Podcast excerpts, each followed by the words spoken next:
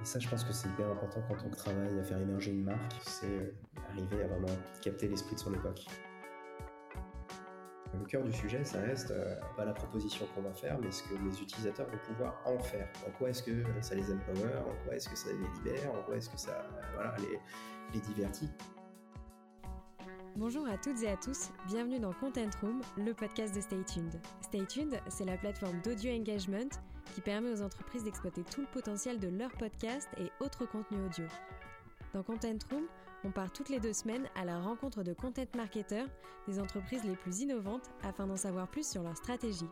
Je m'appelle Camille, je serai votre hôte sur ce podcast et aujourd'hui, j'ai le plaisir de vous présenter Alexis Jakubowicz, Lead Brand and Communication chez Alan. Bonjour Alexis et merci d'avoir accepté notre invitation. Bonjour Camille, merci à toi de m'avoir invité.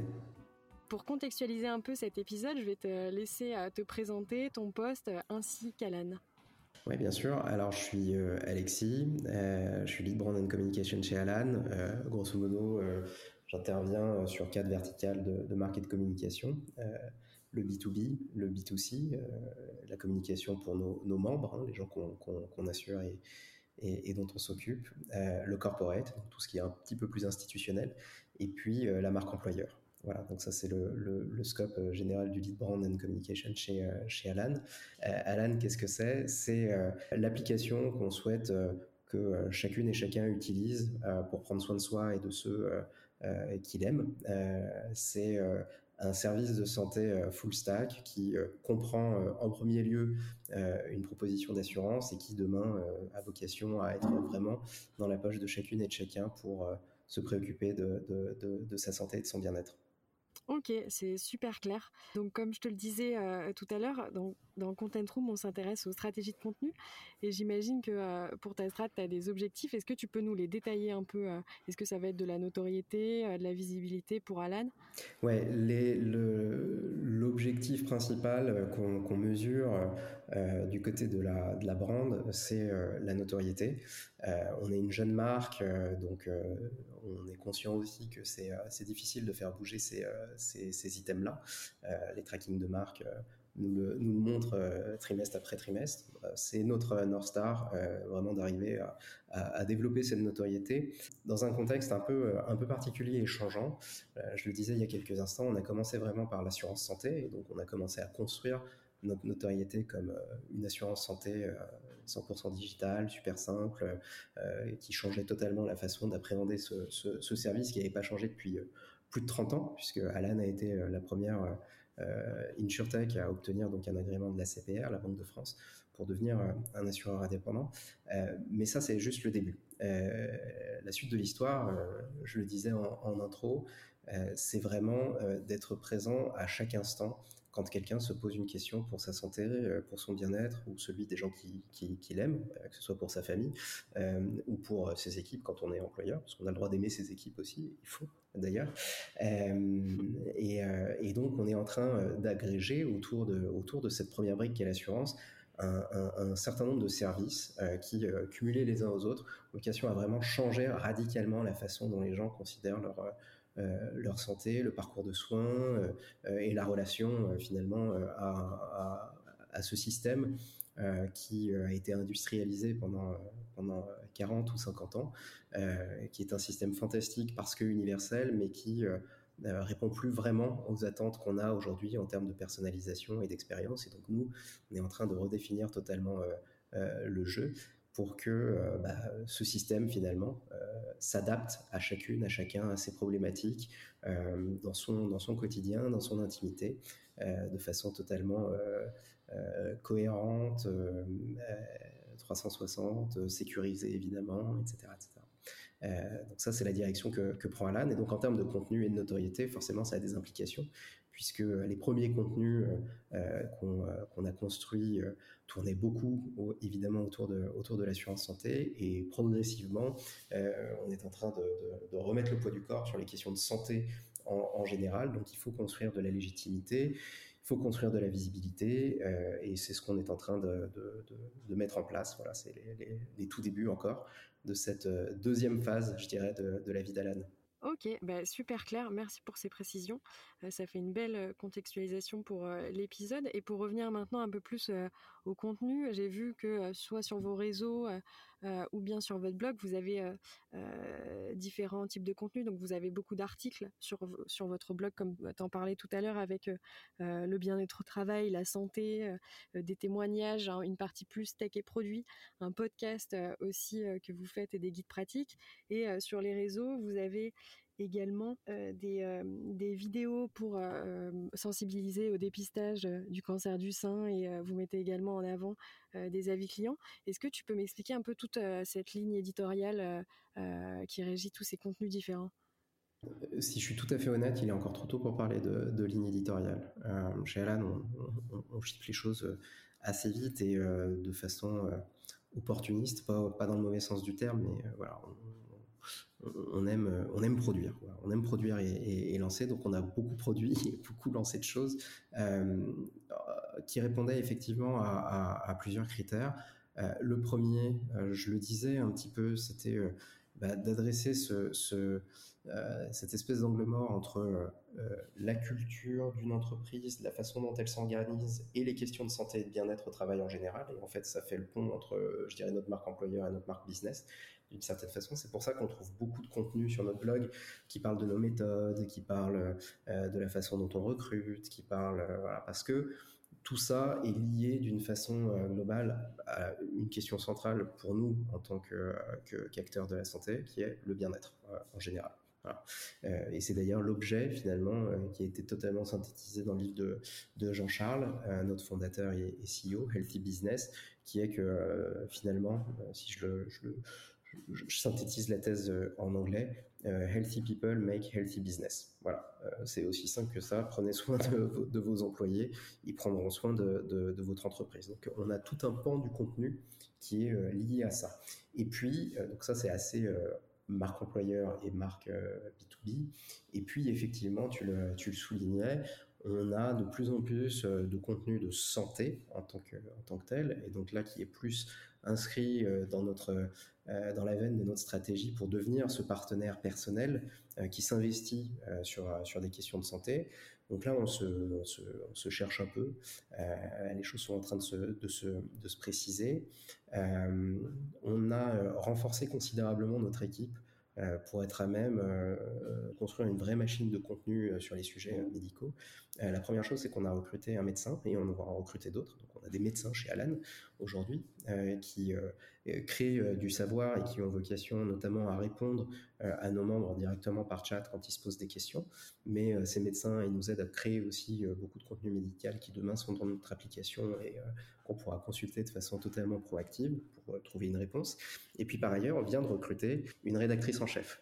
Donc on a maintenant une rédactrice en chef qui a vocation à, à, à mettre de l'ordre justement euh, dans toute cette euh, stratégie de contenu à destination des membres euh, et à faire en sorte que Alan émerge vraiment comme, je le disais, ce partenaire santé légitime, sûr et, rassurant pour chacune et chacun. En anglais, nous, on appelle ça profound levity. C'est, euh, je le dis en anglais parce que c'est la langue qu'on utilise, parce qu'on a une part de nos équipes, euh, une part importante de nos équipes qui sont internationales. Euh, voilà, pardon pour cette, cette déformation, mais Profound Levity, ça traduit bien l'esprit en fait, à la fois de la marque et du contenu qu'on essaye de produire. C'est-à-dire c'est, c'est, profond parce que c'est de la santé, donc on parle d'un sujet sérieux, mais on peut en parler de façon un petit peu pop et, et, et, légère justement pour arriver à apporter un second souffle. Euh, donc euh, c'est le, ton qui traverse tous nos contenus. Euh, et, qui, je pense, fait aujourd'hui la différence. Ok, ça marche. Et du coup, moi, tous les contenus que je t'ai cités là, c'était plutôt des contenus, j'ai l'impression qu'ils vont faire travailler, qui vont vous permettre de travailler l'awareness. Est-ce que vous avez des choses peut-être plus conversion que au final je vois pas parce que je suis déjà euh, cliente à l'âne. Est-ce que c'est toi qui t'en occupes ou pas du tout? En fait, on a, une équipe de content marketing euh, en tant que telle qui travaille plus bas sur le, funnel. Euh, avec laquelle on, travaille évidemment main dans la main, mais qui répond effectivement à d'autres objectifs market. Donc on est, moins dans le dans l'awareness que, que déjà dans la, la considération et la conversion, et qui effectivement la produisent des assets beaucoup plus traditionnels à destination des prospects B2B. Voilà. Donc, on n'est pas encore tout à fait dans cette logique pour le B2C parce que je le disais, c'est encore le, le, début de cette aventure-là. mais effectivement, les, les, contenus dont tu me parlais, je pense notamment à une, vidéo assez rigolote que l'équipe a produite pour informer nos prospects que désormais on pouvait changer d'assurance santé n'importe quand dans l'année, ce qui n'était pas le cas avant. Hein. Il fallait le faire au 31 décembre et ils ont eu une idée assez chouette de détourner une vidéo de Love Actually euh, pour euh, pour ça. Et donc voilà, c'est une façon de dire euh, la résiliation infra-annuelle, c'est un truc un peu chiant, c'est un terme un peu barbare, ça intéresse pas grand monde. Voilà, Profound Levity, c'est que on est capable de parler de ça avec avec des éléments de référence un peu pop. Et, et donc cette, cette vidéo, elle a, elle a, elle a clairement pour objectif euh, de maintenir le lien, euh, donc de faire du nurturing avec les prospects euh, avec lesquels on était en cours de discussion quand le, quand le, deuxième confinement est arrivé, et donc de leur dire d'une certaine manière, bonne nouvelle, aujourd'hui il n'y a plus de date butoir, on comprend que changer d'assurance, ce soit pas forcément votre, priorité là de l'instant. Mais vous savez quoi? On a le temps et on peut reprendre notre conversation quand on veut. voilà, ça c'est ça c'est du contenu Alan. Ok, bah, je vois très bien l'exemple. En plus, j'ai la vidéo en tête euh, parce que euh, oui, de, Love Actually avec les pancartes, je la mettrai euh, dans la description de l'épisode pour montrer aux auditeurs exactement de quoi il s'agit. Exactement. Et ça, c'est ça, c'est le travail de notre de notre équipe de content marketing. Voilà, emmené par des gens très talentueux. Et euh, donc en préparant euh, cet épisode, tu m'as parlé euh, d'une d'une feature qui avait permis de créer, qui vous a permis pardon de créer beaucoup de contenu, notamment de contenu UGC. Est-ce que tu peux me détailler un peu plus ce qui s'est passé avec avec cette mystérieuse feature? Ouais, bien sûr. En, préambule, je voudrais dire que c'est un pan que je trouve encore trop sous-estimé, le, le, le, et, euh, l'UGC. moi, je, venais des consumer goods et en particulier, je travaillais dans le, retail, donc c'était quelque chose qu'on travaillait particulièrement et, que j'ai moins vu en arrivant dans un environnement comme celui d'Alan. Mais l'exemple auquel dont, tu fais mention, euh, c'est que fin avril, euh, donc on était euh, encore confiné, confinement numéro 1. et, Alan entend justement que, que, Partenaire Santé s'est pas mal mobilisé et on a beaucoup réfléchi à la manière dont on pouvait aider à la fois nos membres et le plus grand, monde, le, plus grand nombre pardon, face, face, face à la crise sanitaire. On, a peine à, s'en rappeler maintenant, mais il y a un truc que, les gens comprenaient pas en, avril, et, on était dans le flou plus total, c'était les masques. Euh, euh, on ne savait pas bien euh, quand et comment les porter, et puis surtout, on ne savait pas où les trouver. Et à mesure que le déconfinement se, précisait, il était de plus en plus clair qu'il faudrait porter le masque en entreprise, sauf que les entreprises, et notamment les, petites et les moyennes, euh, elles ne savaient pas forcément euh, vers qui se tourner pour, pour trouver cette, denrée qui à l'époque était, était très rare. Donc on s'est démené pour trouver un, partenaire fiable et faire un truc qui d'un point de vue produit n'avait pas l'air trop sorcier, euh, qui était de, permettre euh, à, nos membres, euh, aux RH et aux entreprises qu'on assurait, de commander directement depuis leur espace Alan bah, des masques pour, leurs équipes. Et donc on a shippé cette, petite feature. on a envoyé un mail à, nos, membres B2B pour leur dire que désormais avec Alan, ils pourraient préparer le déconfinement, prendre soin de, de, des leurs et en fait euh, attaquer la reprise quoi, euh, en, commandant des masques.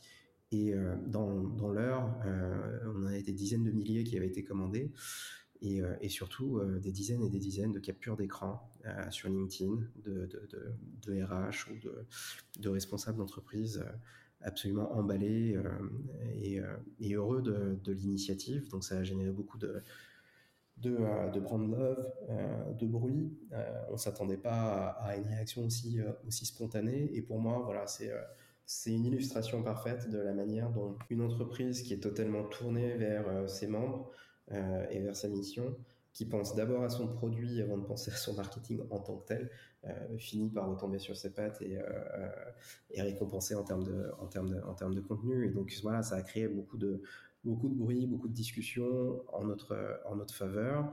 et, et c'est quelque chose qu'il faut je pense, absolument trouver à, à, répéter en repartant toujours du produit et de la manière dont on peut l'amener de la façon la plus, la plus, euh, la plus claire euh, et efficace euh, à, l'utilisateur final. Voilà, on s'y retrouve en termes de, du GC in fine. Ouais, tout à fait. Bah, en fait, je trouve que c'est super intéressant ce que vous avez fait déjà d'un point de vue utilisateur et en plus d'avoir réussi à, générer toute cette création de contenu provenant des utilisateurs parce que je pense pas que ce soit le cas de beaucoup de vos concurrents généralement. donc alors comme tu le dis, vous êtes positionné plutôt utilisateur final, donc B2B mais B2C en même temps.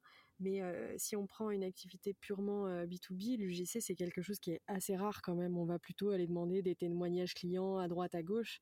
Euh, du coup, c'est assez intéressant de voir tout cet engouement. Effectivement, on pense que par le produit, on peut atteindre un tel niveau de, satisfaction que les gens quel que soit leur, leur rang, leur poste, auront envie de le, de le partager. Et aujourd'hui, ils ont tous les outils pour.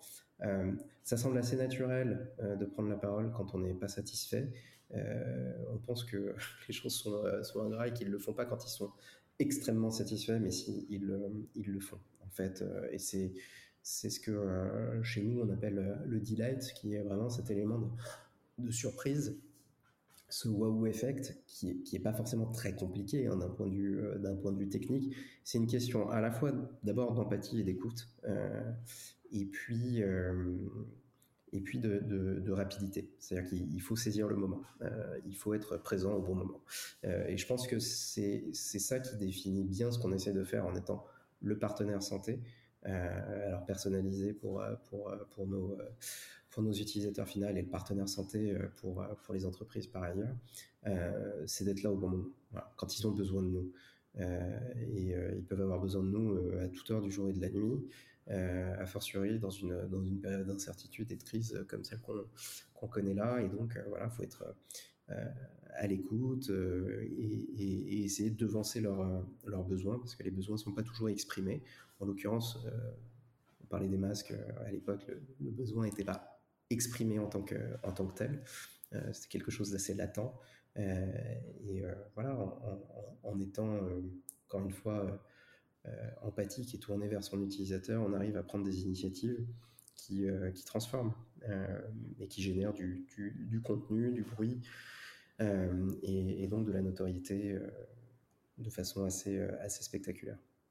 Mais ouais, en plus, je trouve que c'est vraiment un beau geste que vous avez fait parce que, voilà, faire venir des masques, c'est pas du tout votre cœur de, métier, quoi. Votre cœur de métier, c'est avoir une app et tout le, le système derrière qui permet d'assurer vos clients. Mais donc là, vous, en plus, donc vous avez créé, toi, tu parles du coup d'une feature, mais derrière, j'imagine qu'il y a eu tout le casse-tête d'approvisionnement parce que personne n'arrivait en plus à, se fournir en masque. Ouais, c'est à plusieurs reprises, on s'est improvisé aussi expert en supply chain. Euh, mais d'une façon générale, et c'est euh, euh, c'est ce qui est au cœur aujourd'hui de nos discussions quand on parle de, de, marque et, de, et, de, communication et donc de contenu, nous, on essaie de redéfinir une catégorie. enfin, on essaie de, créer une catégorie, c'est même pas de la redéfinir. On essaie de créer une catégorie. et, donc c'est assez passionnant. Tu disais, bah, non, c'est pas notre cœur de métier dans, dans, d'envoyer des masques, c'est sûr. Euh, mais en même temps, notre cœur de métier, euh, notre mission, c'est de faire en sorte que les gens prennent soin d'eux. Euh, je, le dis un peu basiquement avec des mots qu'on a beaucoup entendus ces derniers temps, mais c'est de faire en sorte que les gens prennent soin d'eux et, et, de ceux qui les entourent. Et, et, si ça passe par, par quelque chose qui est effectivement pas assurantiel en tant que tel et qui n'est pas digital en tant que tel, je dirais que, moi, qui, sont vraiment les deux piliers sur lesquels on, s'est fait connaître depuis, nos débuts, et eh ben, et eh ben tant mieux. On sort de nos zones de confort, on fait des choses qu'on n'a pas l'habitude de faire, mais on les fait avec la conviction que euh, in fine, ça servira à les gens qui nous font confiance et qui nous confient quand même euh, certainement l'un des trucs les plus précieux, euh, qui est la santé des gens avec lesquels ils travaillent et sur lesquels ils comptent pour bah, produire, servir, quelle que soit l'industrie ou le, marché dans lequel ils sont. Bah ok, merci, c'est super clair et, je trouve ça super chouette d'avoir tout cet UGC provenant de, de Feature. Est-ce que tu as un peu des, conseils justement à donner à nos auditeurs sur bah, comment, comment on fait en sorte que quelque chose qui n'est pas un contenu au début soit générateur ensuite d'UGC derrière? Est-ce que tu as une recette miracle? Ce que j'ai pu observer, c'est que euh, très souvent, euh, on a tendance à tomber très vite amoureux de ses propres idées euh, et à penser que tout le monde, même si elles sont très bonnes, que tout le monde va trouver ça génial et que les gens vont vouloir s'engager et que ça va être du super contenu et que voilà. parce qu'on est passionné et parce qu'on a la tête dans le guidon voilà, c'est assez normal et c'est plutôt, c'est plutôt bon signe mais il faut toujours faire cet effort de, OK, euh, si je produis ce contenu et que je le lance, à quoi est-ce que je m'attends en termes de, en termes de, en termes de réaction? Je me mets dans les, je me mets dans les, dans les, euh, dans les chaussures de, de, de mon audience. Euh, qu'est-ce que, quelle valeur ça crée pour eux? Est-ce que je résous un problème? Est-ce que je les informe? Est-ce que je les divertis? Et, et in fine, le, le, succès ressemble à quoi? Si, si, ça c'est une question sur laquelle euh, Jean-Charles en particulier, notre, fondateur, nous pousse tout le temps, c'est chaque fois que tu as une idée et que tu pousses quelque chose, c'est euh, OK, si ça marche, euh, on le saura comment. c'est quoi les conditions du. C'est même pas juste quelles sont les conditions du succès, c'est le succès ressemble à quoi. Et, quand on se pose cette question, je dirais à la fois naïvement et sincèrement, mon expérience, c'est que dans peut-être 70% euh, des cas, euh, l'idée qu'on avait, euh, on peut la tuer tout de suite. Peut-être peut-être qu'il reste encore une marge de négociation sur des idées qu'on peut améliorer. et puis peut-être qu'en fait, il n'y a que 3% des idées qu'on avait à la base qui, sont réellement porteuses bah, d'un upside pour l'audience pour craquer ce truc-là, faut pas partir du contenu. Euh, je sais que c'est un peu, euh, c'est un peu, enfin en tous les cas chez Alan, pour l'instant on part pas du contenu, on part du problème, euh, en tous les cas de, la situation de, nos membres et de nos utilisateurs, réelle, pas une situation projetée, hein, pas celle qu'on imagine être leur, problème ou être leur, situation. Et on cherche d'abord à savoir comment est-ce qu'on va la résoudre dans le produit. C'est-à-dire c'est quoi la solution? Et le contenu, c'est juste le packaging pour, euh, pour euh, mettre le doigt sur le, sur le problème euh, et mettre en avant la solution, in, fine. Donc c'est juste, le, c'est, juste c'est juste le média, mais le cœur du, le cœur du sujet, ça reste pas la proposition qu'on va faire, mais ce que les utilisateurs vont pouvoir en faire. En quoi est-ce que ça les empower En quoi est-ce que ça les libère En quoi est-ce que ça voilà, les, les divertit Comment est-ce que ça circule Et comment est-ce que ça va être tellement, je veux dire, juste en termes de, en termes de proposition et de, de, de moment aussi, puisque le moment est clé, évidemment, euh, dans la distribution du, euh, du contenu, bah, qui vont vouloir en parler. Voilà. Euh, et donc, si je devais déconstruire l'opération dont on a parlé, bah, je pense qu'elle coche un petit peu toutes ces cases. C'est, quoi le, le, pain point, le problème que vont avoir les gens qu'on a à cœur de servir? Bah, Ils vont devoir masquer toutes leurs équipes et ils savent pas le faire. Euh, on aurait pu euh, juste faire une note de blog. Voilà, euh, c'est c'est le, c'est la différence entre le contenu et le produit. On aurait pu juste faire une note de blog en leur listant les obligations vis-à-vis du masque et la liste des fournisseurs et les laisser se démerder. Ou alors, on pouvait aller un cran plus loin, attaquer le truc par le produit, intégrer cette plateforme à notre, au back-office de nos utilisateurs et leur permettre de le faire et pas créer de contenu. Juste, juste envoyer le truc, c'est gratuit prenez ça, vous pouvez commander, vous avez juste à appuyer sur ce bouton et vous recevrez vos masques dans, dans X jours, X, X, X semaines pour, pour, préparer la, pour préparer la reprise. Et du coup, le contenu, bah, c'est pas nous qui l'avons généré, c'est eux. Voilà.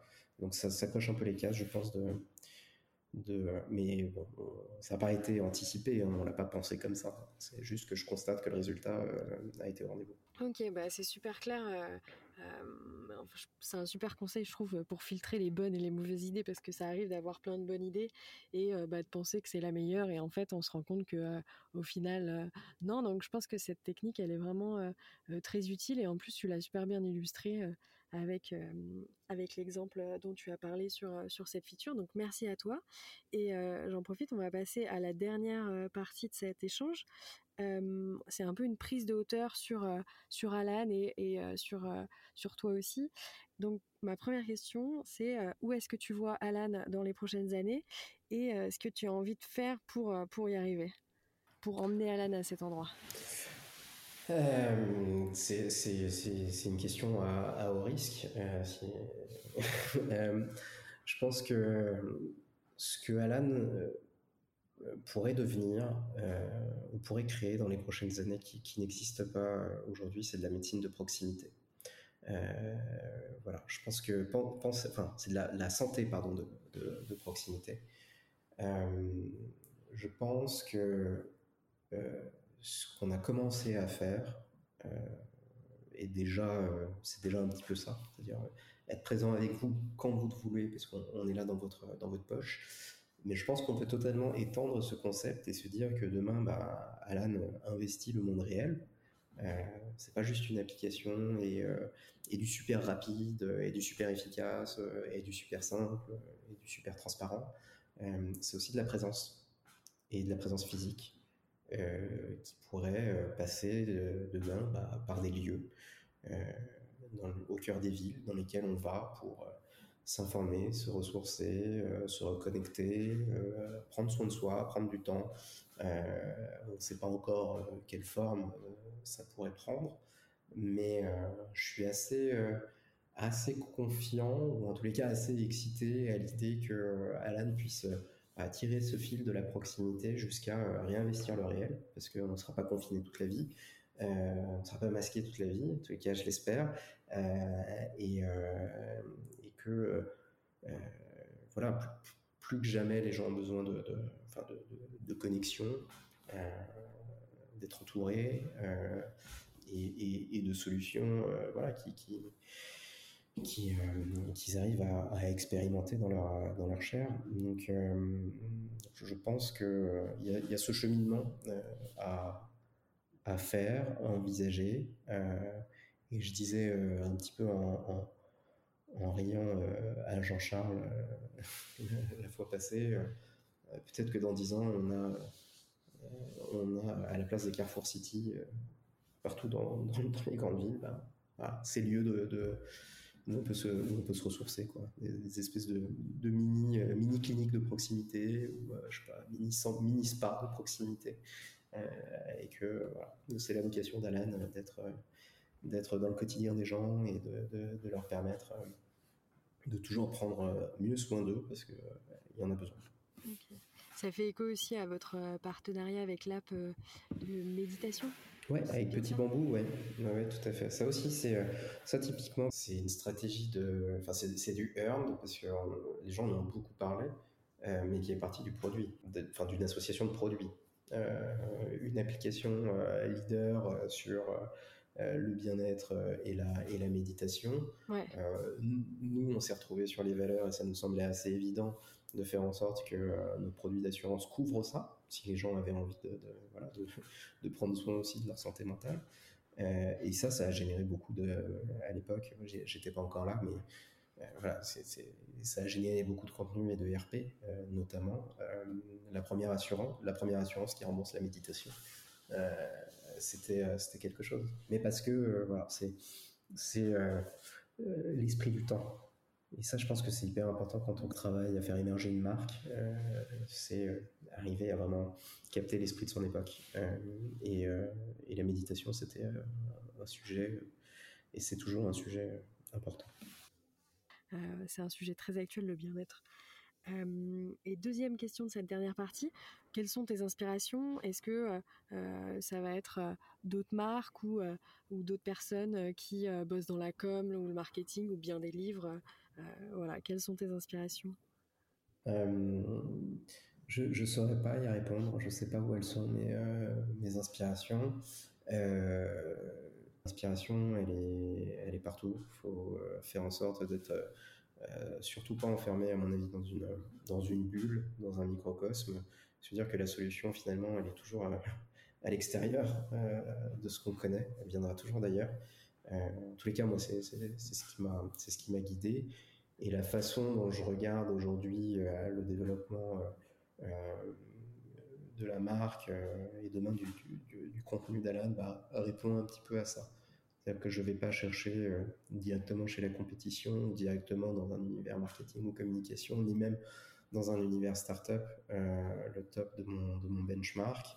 Euh, je, me laisse plutôt porter par euh, des, des tendances de fond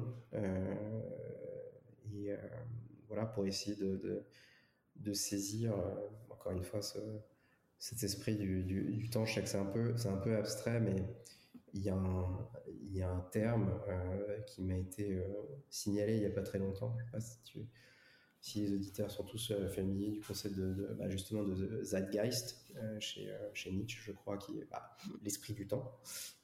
c'est cette notion de que chaque, chaque époque a un esprit particulier. Ce, que dans le langage courant on appelle l'ère du temps. et euh, alors là, pour le coup, je crois que ça vient d'un blog de marketing. Euh, je ne saurais plus citer la source, mais je pourrais la retrouver.